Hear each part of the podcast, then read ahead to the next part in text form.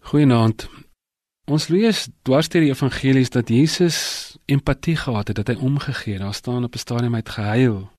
Daar staan in Matteus 9:36 hy het na die skare gekyk en hy het hulle jammer gekry want hulle was so skape sonder 'n herder. In Matteus 15 staan daar Jesus het hulle inniglik jammer gekry want hulle was honger en het lanklaas geëet. Ons lees in Markus 1 hoe Jesus 'n melaatse man wat niemand jammer gekry het nie, Jesus kry hom jammer en hy stop en hy gaan nader. Ek wonder partykeer tot watter mate ons afgestomp geraak het. Ek dink die beeld wat ek in my hart kry van om afgestomp te wees is soos om 'n eelt op jou hart te kry.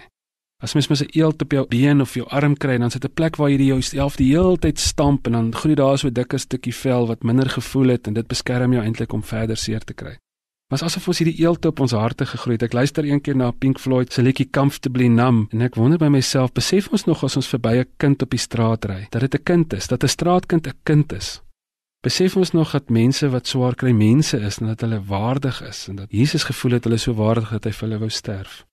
'n klompie jong mense by ons het op 'n stadium hierdie gebed uh, gebid. Here breek my hart met wat u hart breek. Dit kom uit 'n liedjie uit. En ek het gedink dis nogal gevaarlik en nie lank aan na nie toe ek saam met hierdie jong mense by so Afrika Hospitaal kyk. Was horrible. Die mense was verskriklik siek, verskriklik arm. Soos in 'n kindersaal, die een babietjie se arm is gespalk met 'n stokkie en die ander een is warm van die koors en die ander kind het al verbrand en die ander het ons gehoor sy ma is dood. En ek het so om my gekyk en ons kon nie eers bid nie. Elkeen van hierdie jong mense het een van hierdie kleintjies vasgehou. Ons het eintlik vir hulle niks beteken nie. Ons het letterlik net daar gestaan en gesit en gehuil.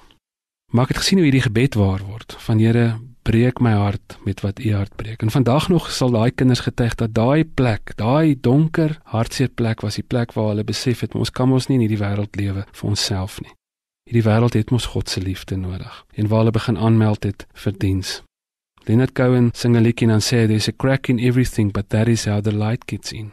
Paulus sê ons is gebroke potte met 'n skat binne-in. En dis juist deur hierdie krake waar die lig kan inkom, maar ook waar deur die lig wat in ons is kan uitgaan.